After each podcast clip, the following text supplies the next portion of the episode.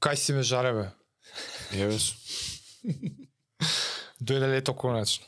конечно сами. Конечно дојде лето и да, овој пат сме без, без гости, ама пак со интересни теми. На кратко само ја ќе кажам, Ја најавивме, мислам, пред у една епизода спомнавме. со кросфито на на крај. У една епизода спомнавме дека случајно, недоговорено се најдовме на предавање на Джордан Питерсон. Сол. Епа, драги гледачи, ова е таа епизода кај што ја и Жаре ќе пробаме да си прераскажеме Малце анекдотално, малце. баш така, Теоретски. што се деси, као се деси, кој е Джордан Питерсон, кој зашто како го прати и нешто што не оставило впечаток. Кој некој не го знае, ќе си го дознае, битен лик. Да, Модерен филозоф, психолог. Многу луѓе веќе го знаат, ако некој не го знае, ние многу кратко ќе кажеме што е. Ама нормално ќе си го изгуглаат луѓе, ќе си дознаат зашо и како е познат човекот, него дај раскажи ти што се деси и кога беше.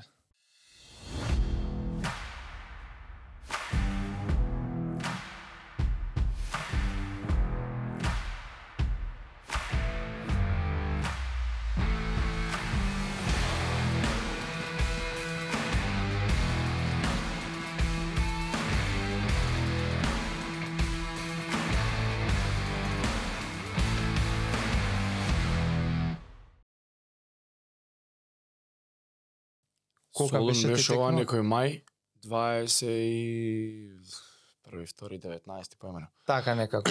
Втора Сред- половина на мај. Так. Тама, Што се- тази втора Што половина. се случи? Па пред тоа месец, два ја кај пријатели дома, петок, сабота, нешто, си скролам на Инстаграм и Джордан Питерс, нали си, кој што си го следиш, ти искача. И гледам тура, и на десно беше две-три слики имаше онака, рандом. Гледам Тесалоники. А и луѓе кај што бев го знаат, го сакаат. И особено дечкото е Виктор му викам, «Абе, слушај, вака и вака. Не, во Солон ли е? Да. Ајде идеме. Ајде, жени, ја викам, ви си идели, ајде, ки идеме у Солун, ки идеме. Колку е карта? Не беше ни скапа нешто 35 евра. Има ли има? Топ. Ајде, идеме, мене купени картите ми беа месец и пол, ама ја и ти никад нема зборното за. Не. Никад. И видов дека есин од Lab Да. на некоја стори стаи дечки имам две карти бла бла бла да не сака некој да ги купи испаднало да оди не знам преку работа од кај Диме на некој Египет немам појма и толку и ние у Солун све и јас ти пишав за некој гостин или availability на студио како беше Сабота беше. рандом нешто Сабота преку ден. да бека Онака ми пишеш пред да одам да. Може ли таков и таков гостин е топ супер бла бла бла ја by the way за пола сат тргам на кај Джордан Питерсон па и ја тргам чекај бе малце викам не е вајда Викам како? Па есин видев, видов, од неа, од неа, добро. И најако од све идеме таму.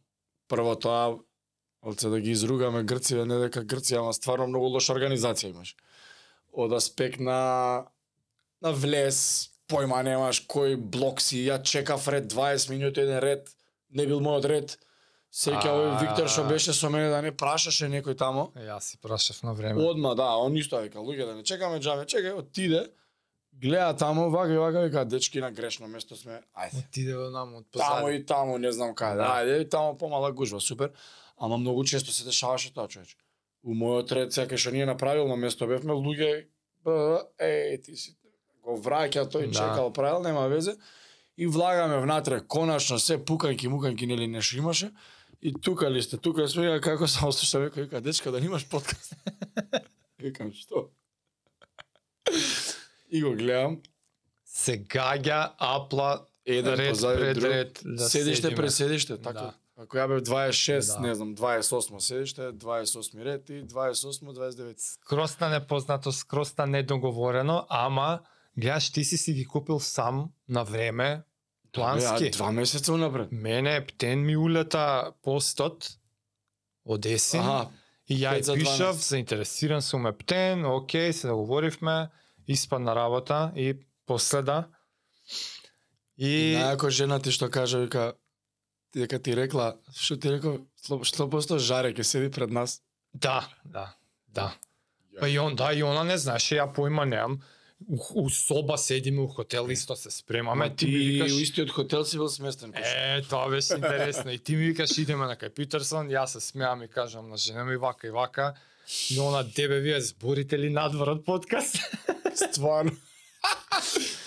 и нема везе, Нема чува везе. спремни све, стокмени, искачаме ние и ете ти го лобито до нас. Джордан Питерсон со жена му. Со уште неколку од организација изгледа, го испратија, буквално у исто време излеговме од влезот на хотелот, него си го чекаше тука Порше джип, ние понатака паркирани, си го испратија човекот. Нас не ни беше толку лошо искуство во сала, дека ние одма изгледа прашавме некој уште со колите, ПАОК, спортска арена, како доаѓавме се паркираме и тој ми вика, а, иди паркирај се таму и таму ќе ти биде влезот. И ние кај се паркиравме негде скроз позади, се си минјаме по скалите и одма тука на влезот. На страна тоа културни беа грциве. Не бе супер. Прилично културни беа вака наредени, у ред. Не, Никој не, не, не, се тоа аспект сема коректни, ама од организацијски, од друга страна, немаше ни знак да видиш. Е, тоа немаше ништо, да. Сега, Немаше ништо. карта да лупам бла бла Б и сега ти тоа Б да го Плюс на барам. грчки беше како. Плюс на грчки, плюс тета, таму. мета. Да, и, ама нема везе. И озвучувањето малце унатре лошо. Е, ама кажи што се деси со среќа, тоа, да. Среќа, среќа, тие им текне изгледа знаат, чекаа малце да се напуни. И нели сега и поново го слушаме по подкаст избори на моите настапи у стилу која имам предавања, овие lectures која држи ни светот за книга.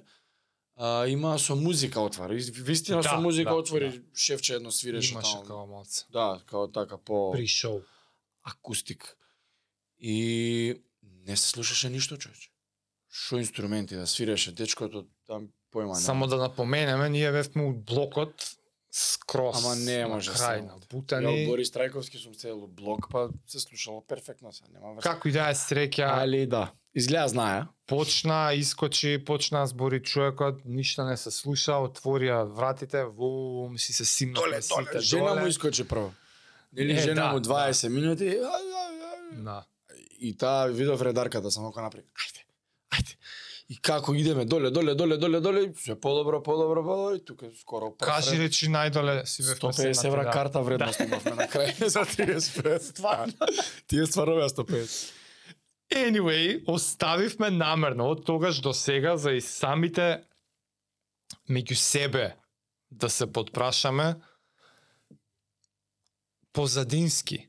Ја не знам за ти зашто и од кога и како го пратиш Джордан Питерсон, нити ја имам споделено, така што еве прилика да те прашам што ти текна уопште? Памтиш ли кога Па не вака, се. почнал да го од тој пратиш момент дека баш и зашто? Па како и сите, вајда стане и он social media сензација поише. Или у книга ја што му е 12 правила за живот, има како он станал популарен, ствари, он е стар, стар. На 60 години е човекот, ама 60 и нешто, да. на постари години баја ги он стекнува светска популарност и да, национална во Канада, он е Да. професор на факултет таму Да. во Онтарио, нема врска со не селебрити некој глупост. Психолог човеков, предава на факултет. Да. И самиот кажува тоа имало query или query како и да се викаше заборев некој као Reddit таков форум и имало некој прашање на Quora, е, на. Квора. И вика и ону книга ретко кој добива лајкови, views и толку позитивни ревју, зашто таму све е негативно. вика. Ја решив така вика, едно детално да им ги објаснам, на детален начин да ги објаснам прашања, нешто поврзано со животот. И многу лајкови добил, стекнал популарност на тој начин, го викнале на предавање, на Харвард го викнале да предава, едно друго и се стекнал и предавања да ги ставал на YouTube, имале Мгм. преку 10 милиони прегледи и така станал ствари интернет сензација ствари. Умеѓу време Меѓу време шортс на политики, Добро тоа Канада понатака, по- да, да. почнуваат да му кажуваат оноа со pronouns. Да, со Трудо и тие против Он искача да го под под закрила на да го брани слоб, да ја брани слободата на говорот. Слободата на говор. да. И така уствари експлодирува. Да, со за многу многу луѓе би рекле дека е контроверзен малце, ама Е, ама прашањето беше Мене ми се ти, свига е, ти тие од негови кога го тези. запратуваш и зашто? е поради валјда тие тези и ти искача еден е, инстаграм клип, друг инстаграм клип, трет, пет, седми, ти се повторуваат, кај Джо Роган дошол, Ај, го- два, три пати има да. Да, 3-4. Тој кој ќе го видам, ко мало дете се радувам, пуштам, правам гасам све што правам. И кај Джо Роган го имам слушано и е таков, знаеш, со еден јасен говор, нема е, б, Да. б, него е и он тоа збори lose your uh, your butts, your like биди концизен тоа што сакаш да кажеш, тоа е нешто што се стремам сега и сак и работам на тоа со подкастов. подкастов, да. да. И свесно многу читам и гледам за таа работа, за јас да се подобрам. И од тоа аспект уште толку ми се дабл даун на, на свигањево на, на човеков како размишља. И после тоа на Кристијано Роналдо испадна дека му бил психијатар, психолог. И да, а, да, го имаше и викнато. на кога. Кристијано Роналдо му било доволно да свати преку книгиве негови да му помогнат, преку видеа на YouTube да му помогнат, сепак он се соочи со многу лоша работа, што незамислива за човек изгуби дете, само што близнаци му се роди едното почина. И сега тоа незамислива е состојба и емотивна таа состојба, знаеш, сега ти све на светот имаш, а пак се дешава, јеби ga, не дај Боже. И у тие тешки моменти кога у таа тешка ситуација него му помогнале тие клипови и книгава кои сме ние нас да не ни помогне и ние да не излечеме некоја pouка и тоа на double down само правев. А и оние што му се за джендер знаеш за се малце може тема деликатна за феминизам и тие работи, ама знаеш како ги затнува некако како да кажам да не навредам некој, не знам да У глобала ставовите негови резонираат и со твоите ставови. Да, ама се подкрепени со факти и Да. докази. Не е како што они знаат да го кажат, а не се жени, мора 50% жени. Сега ово искача со факти, например, за имаше за за инженери. Како За не Шведска. за не знам која држава. Како некоја од 50 50 скандинавските морал, вика не. 90% од мажите се инженери, 10 се жените, Да. од 80 20. Од 80% на луѓе можеш да извадиш подобри кадри, него ли од 20. Сега Да, зашто да ви, знаеш, се такви некои логични. Од прилика од друга страна па за медицински сестри. 85 90% да. па се жени, Да. за не може да бараме дека тамо 50%, и се некои такви ставови мислења подкрепени со докази и логика. Психологија. Да, не е она зимање идеологија како религија и сега све што е феминизам е добро или све што е антифеминизам или не знаеш. Едноставно логика само, ништо повеќе и подкрепени со докази. Се тие некои работи за некој луѓе е контроверзен, некој го нарекуваат шовинист, што јас не се согласувам, али тоа е, секој си има право на мислење.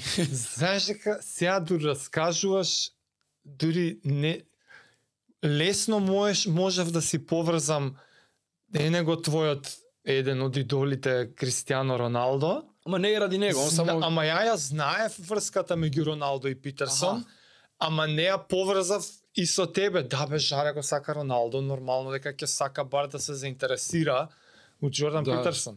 зашто би го ангажирал него. Мојата прича е најверојатно многу слична. Исто станува популарен, ставовите негови ми се свиѓаат колку длабоко под површината пробува да влезе и дека доаѓа со 20 годишно клиничко психијатриско искуство, а не само суви статистики набрани од непроверени извори Туги. туги непроверени извори, него едноставно он има илјадници луѓе поминато низ негови терапии, кај што директно има разговарано со луѓето и успешни и неуспешни и што се како се вика со, со психички проблеми, со вакви онакви, човекот Со клинички депресии, со клинички, сериозни, со вистински клинички депресии сериозни онакви состојби, не. И нормално на Џо Роган и така некоја Исто и мене изгледа тоа ме привлекува начинот на кој што разговара и ги склопува мислите. Многу е концизен, прецизен. Гледаш дека е сложено, ама е доволно едноставно да го разберам, ама ако пробам да го прераскажам, сваќаш дека не, не, Да, над да, да. мене е многу, не, Буквално. не се ни труди да раскажеш. Така што еве на неблагодарната задача да пробаме да прераскажеме. Пред да преминеме дале, јас сепак едно мало контекстче за тој некој или таа некоја од вас гледачите што стварно нема чуено до сега за Джордан Питерсон, кој што кажа Жаре, професор во Канада, психолог, клинички психијатар, автор на неколку книги и така натака, Гостин После- професор на Харвард. Костин професор да, Во амерички, Стенфорд, Харвард, мислам, Йейл компанија. Има League. игра улога во безброј дебати јавни со разни научници, филозофи, психолози и прилично валидно веќе може да се каже дека човекот ќе остане запаметен. Модерен филозоф. како на како еден од модерните Мислители, филозофи на да е така мислители на денешницата, една од попопуларните книги, едни му се тие со правилата. Дван- а, 12 Rules for Life и втората му е Уште 12. а, Beyond Order, уште 12 и сега. Кој што рековме, не е нормално неисцрпна тема на муабете Джордан Питерсон и неговиве книги. Најмногу што може да направиме да препорачаме да ги прочитате. Преведени си на македонски, ги имате у маркет, на бензинска, 500 денари се. Так, за среќа се прилично лесни да се сумираат сувопарно, затоа што се листа на правила. И сега јас сакам само да ги прочитам правилата и едно мој, еден мој став општ, да кажам, во врска со нив. Во, во првата книга на правила, следни. Stand up straight with your shoulders back. Ке, грубо ќе ги преведуваме овие. Ја ги имам на македонски ако сакаш од првото. А ти ги преведе? Ајде, цепај. Па ја имам книгата на македонски, јас А, книгата. још бољи, мене дека ја на англиски ги. Ја имам на Audible на англиски, ја имам на македонски. Добре, ја на, на Kindle дека ги читам. Застани мислим. исправено со зафрлени рамења. Так, Еве ти кажи ја на макед на англиски, јас на македонски. Ајде. Treat yourself like someone you're responsible for helping. Однесувај се кон себе си како кон некого кому што си одговорен да му помогнеш. Не мора да преведуваме, цепај. С Да, пријателете се со луѓето што ви мислат најдобро. Трето правило. Четврто правило. Споредувајте се со оној што сте биле вчера, а не со она што е некој друг денес. Петто правило. Не дозволувајте им на своите деца да направат нешто што не го одобрувате. Ти ќе го кажеш дали е добро. Шесто правило. Доведете си ја куќата во совршен ред пред да го критикувате светот. Седмо правило. Стремете се кон она што е значајно, а не кон опортунизам. Осмо правило. Зборуваја вистината или барем не лажи. Деветто правило. Може би личноста што ја слушате знае нешто што вие не го знаете. Десетто правило. Бидете прецизни во своето говорење. Ево е тоа Ете што го. привлекува човек. Ете го. 11-то правило, не додевајте им на децата кога возат скирол. Е една страшна метафора. А, 12-то правило, кога ќе се сретнете со мачка на улица, погалете. И доле поднаслов и кучињата се окей. да, да. Еве ги 12 од првата. Тие се првата. Втората. Втората книга се вика Beyond Order, односно уште 12 правила за да се соочите со хаосот. Сега вие пак се на англиски, тие ги немаш на македонски? Ги ги немам, само ваа имам книга. А иначе А. со правила он има 30 и нешто или 40 и нешто, па ги има сведено Да, на 20 да, нешто, да, па ги има да. сведено на 16, Да, па на 12. Тие се од книгата со И ја баш кога го слушав на еден подкаст за првата книга кога ја промовираше, он вика веројатно ќе треба да напишам уште една со уште 12 правил. Ја најави пред И време. гледам стварно после години, Да. година две и Да. И еве ги. Тие се наредните 12. Ние бевме на петтото или на шестото? Сега ќе ќе Ќе го- ќе ти текне која. е. Ајде. Уф, овие не можам да ги преведам. Do Не, not не. do not carelessly denigrate social institutions. А, значи не ги денигрирај социјалните институции туку така, без а, без грижа. Imagine who you could be and then aim single-mindedly at that. Ова а, замисли се кој можеш да бидеш и стреми се кон тоа. Mental toughness, јасен фокус.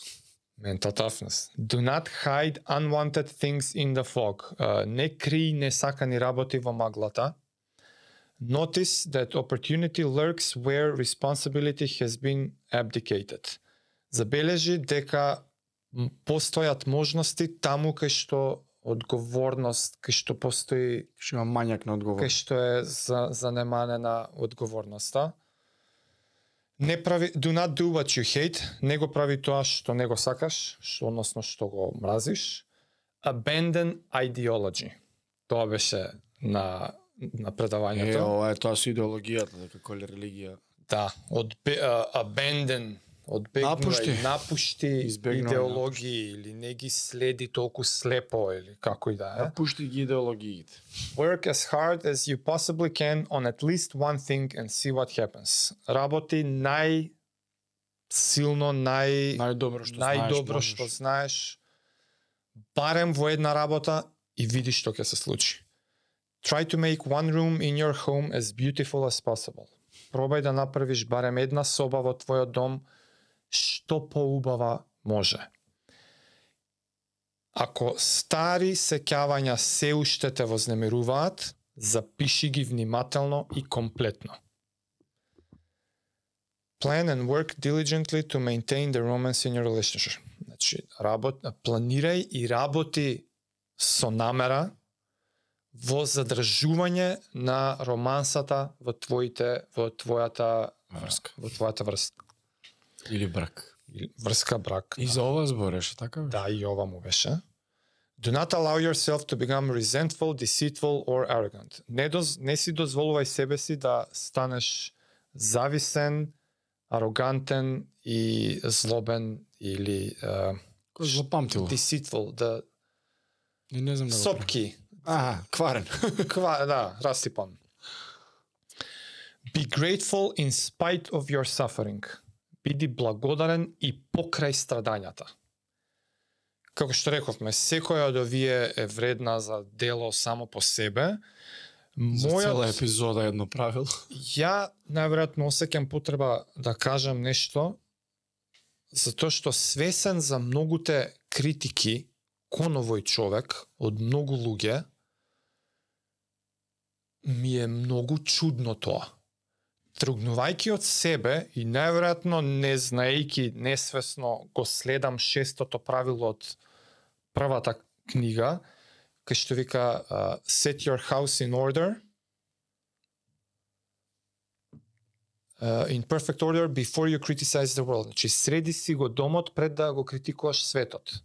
Ја така мислам, бар се трудам така да да живеам. Така, така треба. И таков став имам и кон Джордан Питерсон и кон било кој. И сега, читајќи ги книгите негови, најверојатно се обраќам кон евентуалните критичари на Джордан Питерсон или кон вие кои што многу него симпатишете човекот, е еве ги правилата. Такви какви што се, некои се метафорички, некои не. Такви какви што се, што е погрешно во врска со овие Што е лошо? Така, некако дури и е толку тривијално очигледно што за многу ствари како да не осеќам ни потреба да разговараме. Толку да, да, очигледно така. како common sense. Тргнувајќи од тој став, ако се толку сами по себе овие правила, окей, а сепак наоѓаш нешто што критикуваш, тоа значи ти однапред имаш одбрана да критикуваш. Оти било што да одбереш у живот, ако копаш доволно длабоко, ќе најдеш нешто што баш не ти се свиѓа 100% според твоите критериуми и ќе земеш тоа да го копаш и да го критикуваш и од тоа после да вадиш проекција и генерализација и да ја применуваш на целото негово дело. Мислам дека од друг аспект критикуваат, зашто малце плеска работи у фаца. Ти ако Ама- сакаш да се запрашаш себе си да се подобриш како човек на крајот на денот, кажеш чекај бе стварно правило број бла бла. Така, стварно не глупости па, бе, не треба така бе да моја мајка. Така, Па, и Дај не- чекај јам што пишо. И пробај примени, пробај смени, ама зашто луѓето за жал повеќето живеат во некој свој бабл. И алгоритмот таков е на социјалните медиуми да ти дава што ти тоа повеќе го бараш. mm. Или Джо Роган се смееше, кажува со тој кробичар од другар му, се зезале на TikTok, направиле, го тестирале алг- алгоритмот и cute puppies срчале 10 пати поред. И готово. Само тоа ми дава. Чуче ми се преплави, вика со кјут папи, само кучиња мали му дава. Да. Така да тоа што го бараш, тоа ти го дава да го гледаш. И веројатно кога некогаш некаде некој ќе го стајал на стори или некој ќе го види како он кажува за овие работи, може би се феминистки, може би со джендерови глупостиве, може би е со овие работи као работи напорно на крајот на денот. Или земи една работа што што сакаш да ја правиш и прави најдобро што можеш, да видиш што може да се деси. На многу луѓе мислам дека има страф од failure, страф што ако успеам на на крајот на денот. Не е само од неуспехот, што ако успеам дали ќе може да се носи со тоа. И сега поубаво е да не, ти сега не збори таму дебила, да ми- ти ќе кажуваш таму. Тя ти, Да? о, Да. знаеш, одма е многу е лесно да отфрлиш некој особено на социјални медиуми, особено на клип и особено да исхейташ у коментарите. Значи, Тоа е најлесно моментот нешто што можеш да направиш. Мислам дека ми, моje мислење од тој аспект тргнуваат овие што хејта. Обе нема мислење, мислење. И, и дури и ти сега не кажа ништо погрешно. Само кажа очигледни работи. Да, се што кажа. Може би Така не е. сакаат да се погледнат во огледало и Така е, само на ти крајот на кажам. денот па it's an acquired taste. Може некој не му се свига. Тоа ми е и мене. На, на изразува. крајот на денот мене Да се живи и здрави. Не- Али пораката е добра. мене ми е чудно кога, мислам, не ми е чудно. Изгледа, да, се согласувам скроз. Јасно е, ако како да тргаш со предрасуда, како веќе веќе не ти се свиѓа Си нешто одлучил пред време. Да, си одлучил пред време и сега си нашал некоја рачка и крај. Неа неа Бараш конципираш само лоши работи. онака што е намерата на правилово. Да, некои се метафорични, ама дури и таа метафора ако земеш да ја анализираш пак е на тебе ако метафората ја анализираш позитивно за себе, ако ја анализираш негативно, ти си одбрал да да ја правиш да ја завземеш таа перцепција. Еби има една изрека сега исто е си одлучил пред време а не се свие ќе бараш само лоши работи. Ако си научил светот confirmation bias. Да, ако си научил ти да функционираш како чекан, само шајки ќе гледаш, разбираш. А, да, го знам тоа. Така да исто е и тоа. Си одлучил пред време да не се свија, него ќе му ги бараш само маните. Е добри ќе бараш. «Е, И така, од прилика, ја и ти се наоѓаме у Паук, спортска арена, у Солон, на предавање на Налик Джордан на расадник. Питерсон, кој што, by the way, е пред- предавање дел од турнеја негова, а, во еден вид промоција на вторава книга, и за не знам за тебе, ама ја отпосле, на пример, ставивме нешто сторења, нели, а, кажавме дека сме биле, ја добив неколку пораки. Од луѓе затечени, е, леле, кај Во Скопје. кај го начекавте, како Заедно ли отидовте што значи очигледно има доста интерес до толку што дури и криво на луѓе што ја пропуштиле таа прилика. Јас Мене Зоки ми пиша, Джордан бил во Скопје, знаеш? Да. Не бе, не. Еј, како си бил да сум браво да. така што јас сум многу благодарен на Есин, иако не ја прашав дали е окей она со ова што ја кажувам дека е од неа. Е, добро. Нема везе. Ништо лошо А, не направи. мене како како онаков бакет лист, како М. многу убаво искуство што во ова денешно време, во оваа епоха од општеството, у време кога овој современ мислител е толку, толку актуелен, добив прилика да го гледам уживо. Значи да доеше и само здраво да каже и да си отиде, супер. Ја имав тоа. чувство на некој онака Джоковиќ кога гледав прв пат онако живо, кога ми си секоја нозите, онака не знаеш што да правиш. Сега не до толку, а знаеш, иде и ти осмех на лицето нереално, ти се прави како возбуда, ти дојде како си, кога гледам живо, човеч.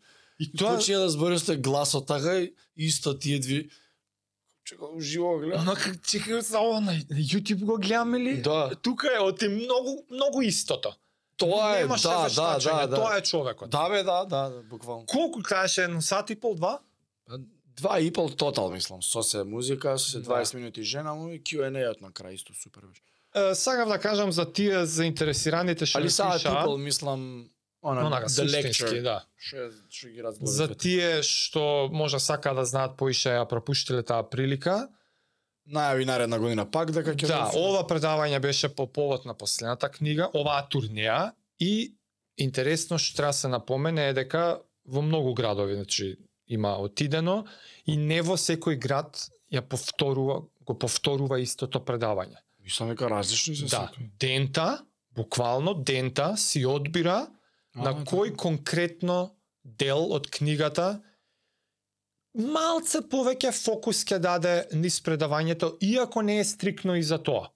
Да. Што значи, секое предавање има некоја срж која што има заедничка нишка и е некое правило од книгата, ама у меѓувреме си дозволува да му течат мислите и буквално кој што го гледаш на подкасти, на предавања, на дебати, така исто личеше и предавањава. Толку Тоа е за тие што ја пропуштивте оваа прилика, да знаете од прилика што сте пропуштиле. Е сега да си преминеме на на нашите впечатоци. Од тие сати нешто, рековме дека таа нишка од книгата а, му, му беше на предавањаво ние што го следевме у Солон, му беше на шестото правило од втората книга, а тоа е Abandon Ideology, значи напушти идеологии, односно ја ова повеќе го интерпретирам како не не ги следи слепо идеологиите и plan and work diligently to maintain the romance in your relationship. Значи, планирај и работи со намера кон одржување на врските добробитот на врската. Да, стали со брачен другар или пријатели како Да, сакате. поеш са брачени за деца, кажуваш. се- Тие беа некои вака конкретни правила кои што он ги квоут за време предавање, ама човекот си избореше свашта. Ако што знае он да ја фати од овде, да извлече, Да, да, да. ја извлече и Човекот се има губиш таков наце, флоу. те знаеш, А он не се губи. он не, ја како слушател и затоа од- ја имам на англиски книгата две години. Не можам да тешка ми е за дослушување, Знаеш дека ја исто приметив. а македонската верзија е многу полесна да читаш, Аха. поразбирлива. Добро, е. за тоа читање е читање. Ама вака на предавањаво ќе почна збори, ќе збори, ќе збори. преинтересно.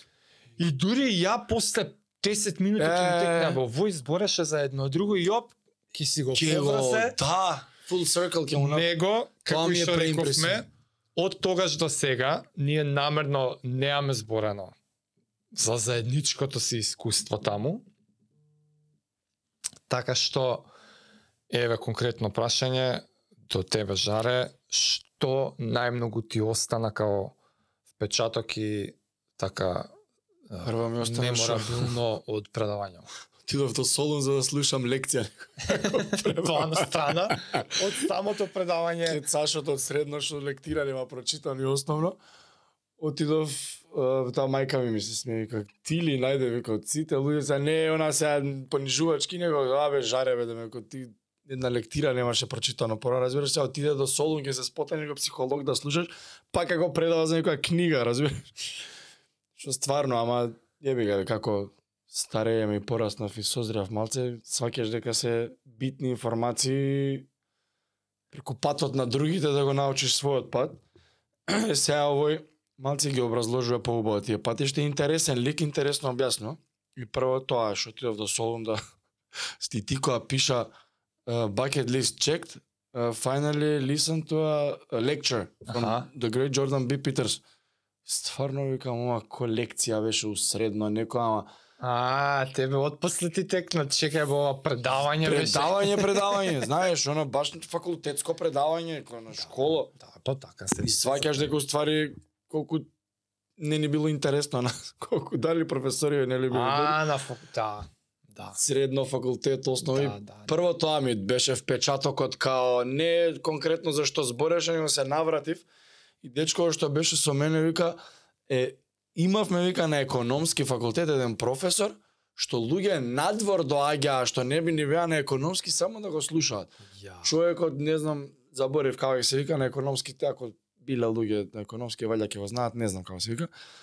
Грдни пари му плаќале фирми за да им предава и да ги учи, а тие обуки он на факултет на студентите за без пари им ги предава. И имало Ама Што моменти тема памтиш? не, За бизнис, за А, нешто стратегии, така, нешто да, да, така. економија. Јасно. Бројки, цифри, такви. Да. И во компании, во корпорации.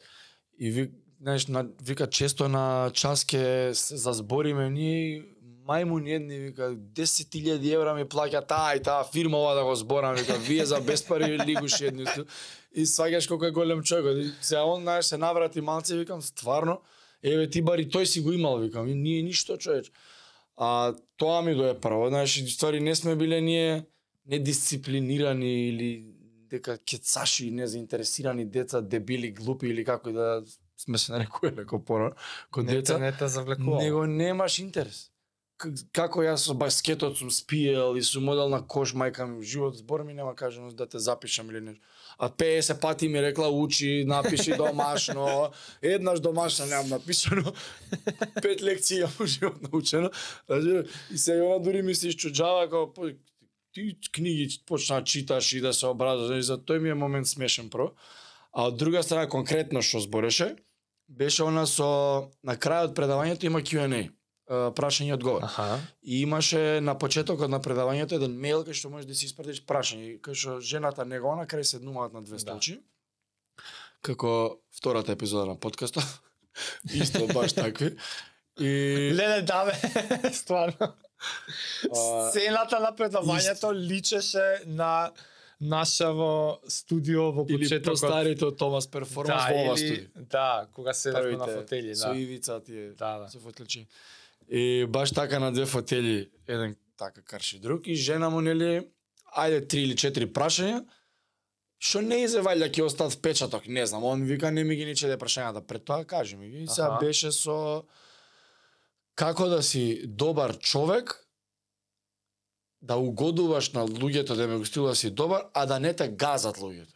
А, Имаше, го мислам дека едно 20 минути го објаснуваше, исто го вртеше, го вртеше и многу беше импресивно што онака на лице место on the spot не беше он спремен. Да. Немаше припремено ништо, него бум бум. Добро. Е па вака се јави. и почна човек во 20 минути и вака како зачаран гледаш и стварно човече па раскажуваше нека приказна од лично од негово искуство, знаеш, тамо таму си влече, нели? Кај што имало, кај што реновирале 6 месеци некоја куќа, па имало некој комшија, па им тропал цело време, кај што он уствари е човек што не сака конфликт. Да. Ама некојаш вика конфликтот е неминовен и мора да го има. И ја не сум некој што не сака конфликт, ама нека из- избегнувам по секоја цена и по секоја мера по некогаш, што може би не е добро, не сум толку да конфронтирам некој. И баш за тоа може ми остаи печаток.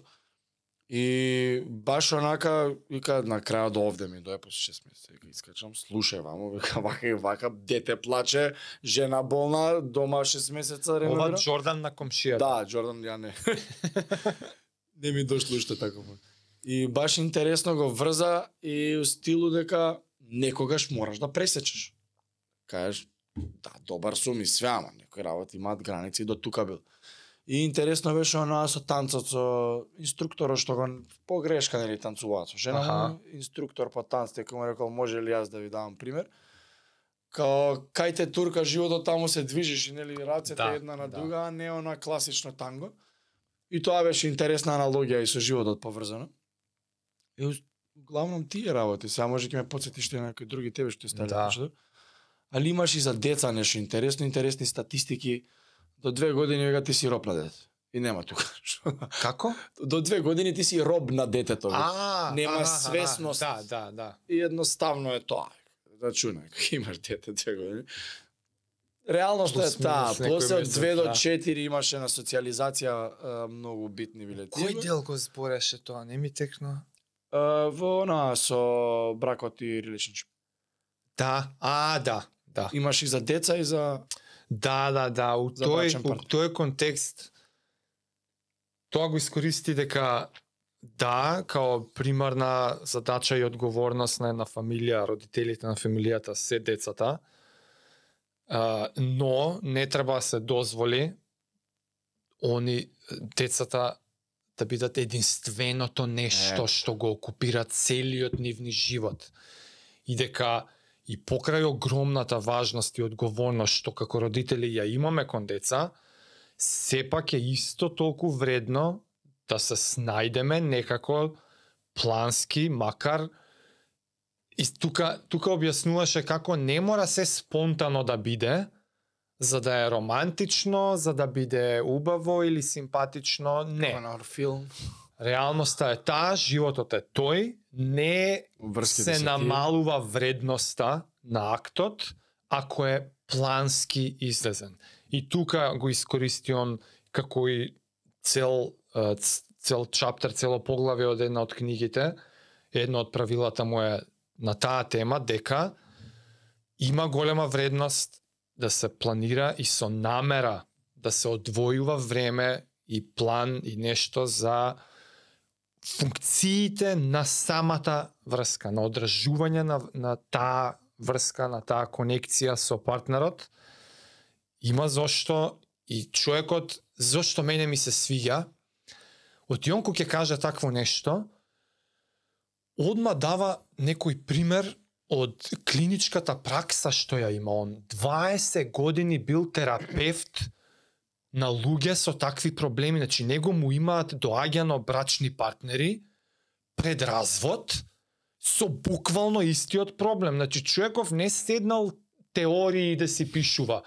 Сите овие правила него му се само произлезени од живот полн со разни искуства. Неговото искуство е 20 години секој ден фул тајм работа соочување со проблемите на луѓето од вистинскиот свет, вистински луѓе, вистински живот. Доаѓале со проблеми и човекот како психијатар мора да му даде некој предлог. Ке даде еден, ке почна да применат нешто овие, ке се вратат И он така низ животот негов ги има формирано овие. И сега он, за тоа мене ми има вредност кога он го кажува тоа.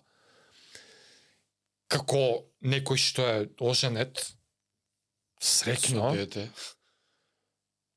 ја, ја сваќаш таа вредност, се, се пренаоѓаш во ситуациите што он ги прераскажува како веќе поминати. Зашто да не ги слушам? Точно. Ако он кажува за себе и он како репрезент на илјадници други примери преку клиничката пракса, бракови долги по 50-60 години, кажува дека има голем ризик ако не го правиш ова, ова и ова, врската ќе почне полека да бледе и после Статистиката кажува дека ете ти разводи, ете ти компликации, зашто? Еве неколку практични мерки.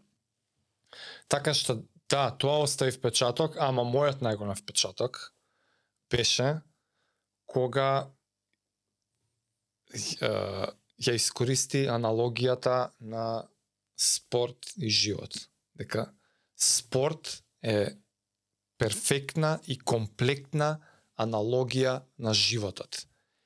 И тоа ми е, не знам, мислам дека пола епизоди на тоа ни се поминати до сега. Сите можни особини на практикување спорт, како и зашто се вредни у животот. И не, не знам ни од кај да почнам, човече. Некој мислам дека му има кажано, и мислам дека го прави ова за секој град, прашува што е вака нај како не знам што поголем број на луѓе од тоа поднебје, во нашиот случај Солун, ќе им биде лесно да се поистоветат. И некој му има кажано дека Салава е на ПАОК, ПАОК е многу успешен грчки кошаркарски клуб, кошарка е прилично голем спорт у Грција, и не знам дали примети дека многу често како метафори, како паралели, користеше кошарка. да. А го пратиме со години. Он користи спортски аналогии и друг пат, ама кошарка не кажува. Не. А колку често спомна кошарка да, сега у Солун?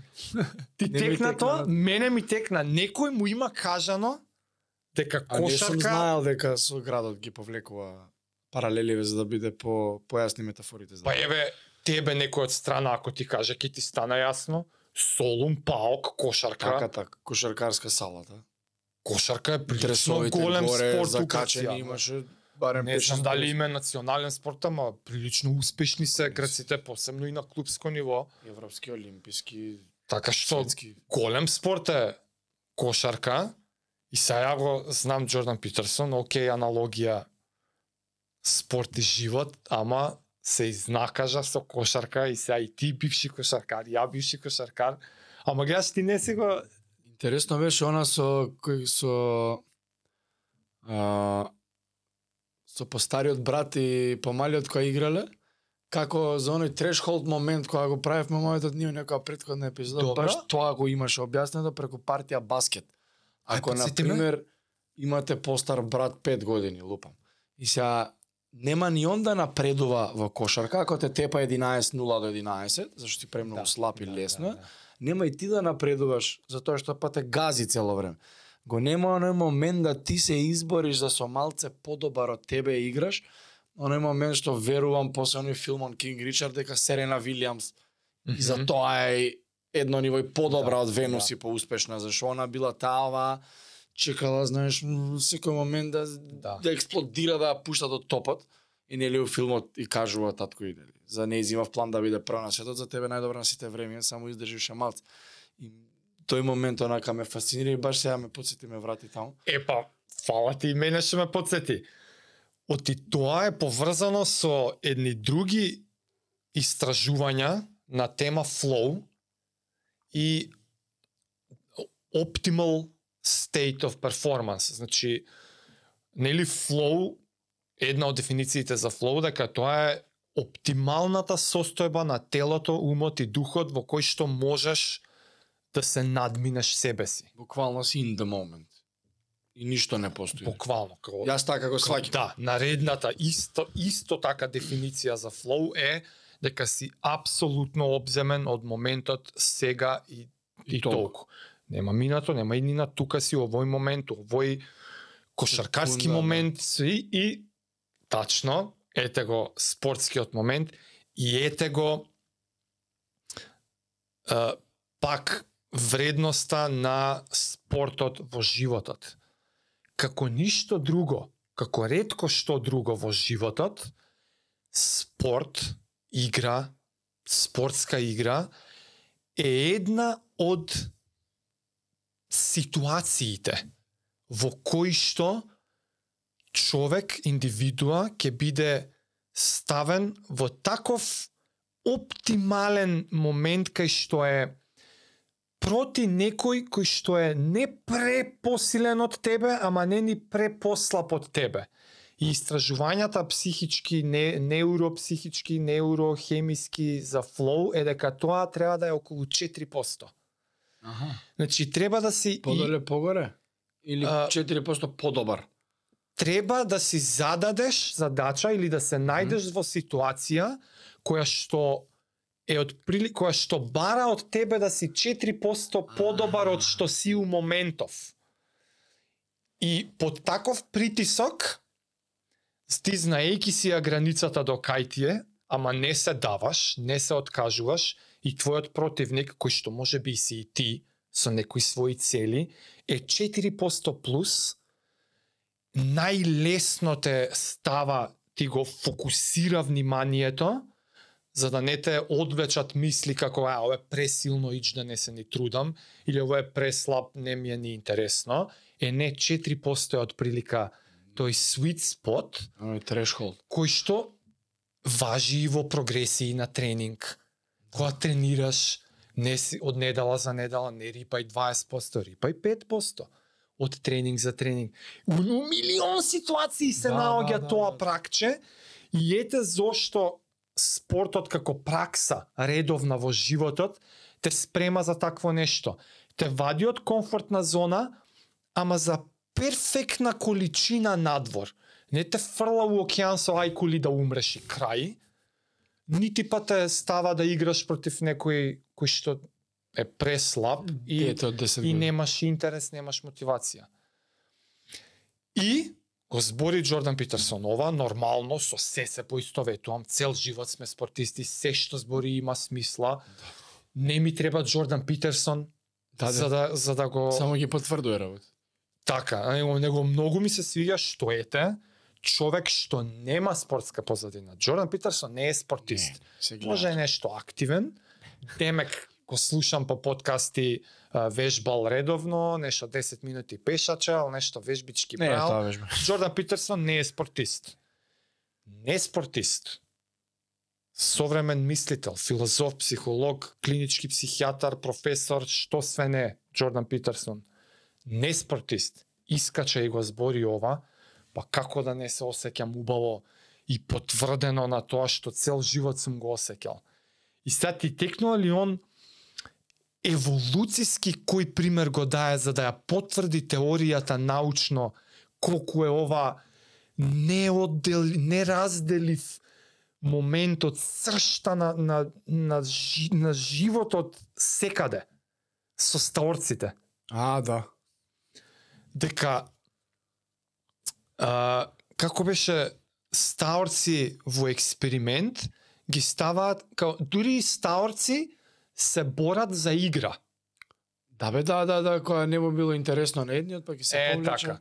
И сега, значи, приметиле дека во чопор стаорци, не знам како се вика, група стаорци, забележале дека колку и да е примитивно ниво на живо битие тоа, сепак им е доволно комплексно организиран животот да имаат и игра. Чи двајца стаорци се случува да почнат да си се борат Да, со борењето во име на игра, како што ќе видиш и мачки и кучиња. Игра за животни Деца. е симулација на борба. Така, така. Така си играат животни, не си подаваат одбојка, него демек се се тепаме, Се рваат. се рваат. Тоа прават кучиња, тоа прават мачки, тоа прават и стаорци и глувци. И што забележале? Кога ќе спареле пре поголем, значи еден, значи ќе спарат два два два стаорци, едниот е Физички пре значително по многу поголем од другиот. Една една две борби и толку не се не се обидува. губи мале. интерес Да бе, што го зборевме со Да, се губи брат. и не играат веќе. Ш- Ако с- и и правеле разни комбинации, по, помали поголеми и ја откриле тоа дека види дури во многу под примитивен Нула свесност. по низ по ниско ниво на да речеме свесност, живот, битие овоно, се случува истото што и ние го правиме преку спорт. Арно ама што прави ептен поголемиот кон ептен послабиот глушец после неколку такви обиди? Почнува да му попушта. Замисли во глувци, искача Да, на да. површина, карактерна особина што мислиш дека е би требало да искочи на многу повисоки нивоа на свесност, не знам, кучиња, мачиња, луѓе, некаква емпатска димензија на ај више кога немам со кој да си играм, а сепак толку многу ја вреднувам играта во животот, ќе почнам да ти попуштам за да си играме. И ја тоа беше како Mind blown. тотално нова ствар од Джордан Питерсон да слушнам, не само од него и општо како концепт, буквално онака шок као као чека ова вистина е стварно. Се нема зашто да лаже човекот, некое си Па истражување. не, користи он често и во првото правило има за птиците, за хиерархијата. Да, па со рептили или со и ние со раковите, со крепс, оние на Да, па- со па- па- да, па ракови, па да. едниот го фаќа, па ако него па, хиерархија, Е, а, кај птици со гнезда. Па вика, вие што мислите дека се птици што пеат, уствари имало нека анекдота, како дете, вика, ми купија касетофон, у тој момент, вика, хай-тек, мгм. и справиле гнездо со татко му за некоја птица, не знам како се вика, не знам која, кој тип на птица, и се како дошле и пееле, правиле му текнало да, да ја усними со кастофонот, ја уснимил, после некоја време ја пуштил. Птица уствари доаѓала кафе кастофонов и као се збунувала, као што се расправала со кастофонот, разбираш, не знаејќи дека е незиниот глас, што Да, да, да. криците што ги испуштала и како го клюнкала па бегала назад, знаеш. Затоа често повлекува метафори со животни и не ме Да, чуди примери, да. Примери да објасни да е, да е тачно и со глувци. дека едноставно некои од uh, behaviors, од начините на однесување низ животот, низ природата, се толку длабоки и биолошко објасниви, што ако почнеме вештачки правила да присилуваме како присилно едначење на мажи и жени по секоја цена, не е наарно и без да влагаме у е, контроверзните области на тоа, ја кога, кога слушам Джордан Питерсон, кога елаборира зошто е тоа така, он ги користи овие еволутивни и биолошки примери дека не можеме да бегаме од фактот дека сме Тие. дека сме биолошки суштества кои што влечеме некои карактеристики на однесување низ нашата околина од неилјадници, милиарди години. И дека некогаш работите се сепак на преференца. Јас како маж преферирам да правам такви работи. Мојата жена како жена преферира да прави други работи. Ние дома ако зема се присилуваме да правиме ствари контра нашата природа, не е наарно. Мажите ги интересираат работи, жените ги интересираат луѓе. Луѓе. Затоа 80% од медицински сестри Да. И образовен систем. Затоа инженерите. се. се мажи, 80%. Е многу Ама реално и логично е, нема тука што. Така што што вака друго ќе ти остане сеќавање?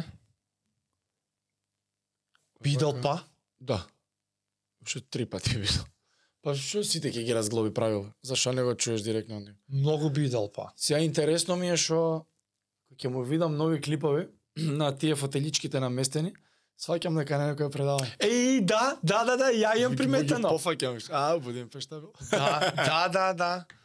Има клипчиња, па жена му нешто деме ќе му прочита, па он ќе објасни. Да, бе, има такви А, по клипчиња. тоа зеленото облечено на сите клипови. Да. Се нема пресурече. Човеков со дела колекција направи цела. Не, шала на страна, стварно.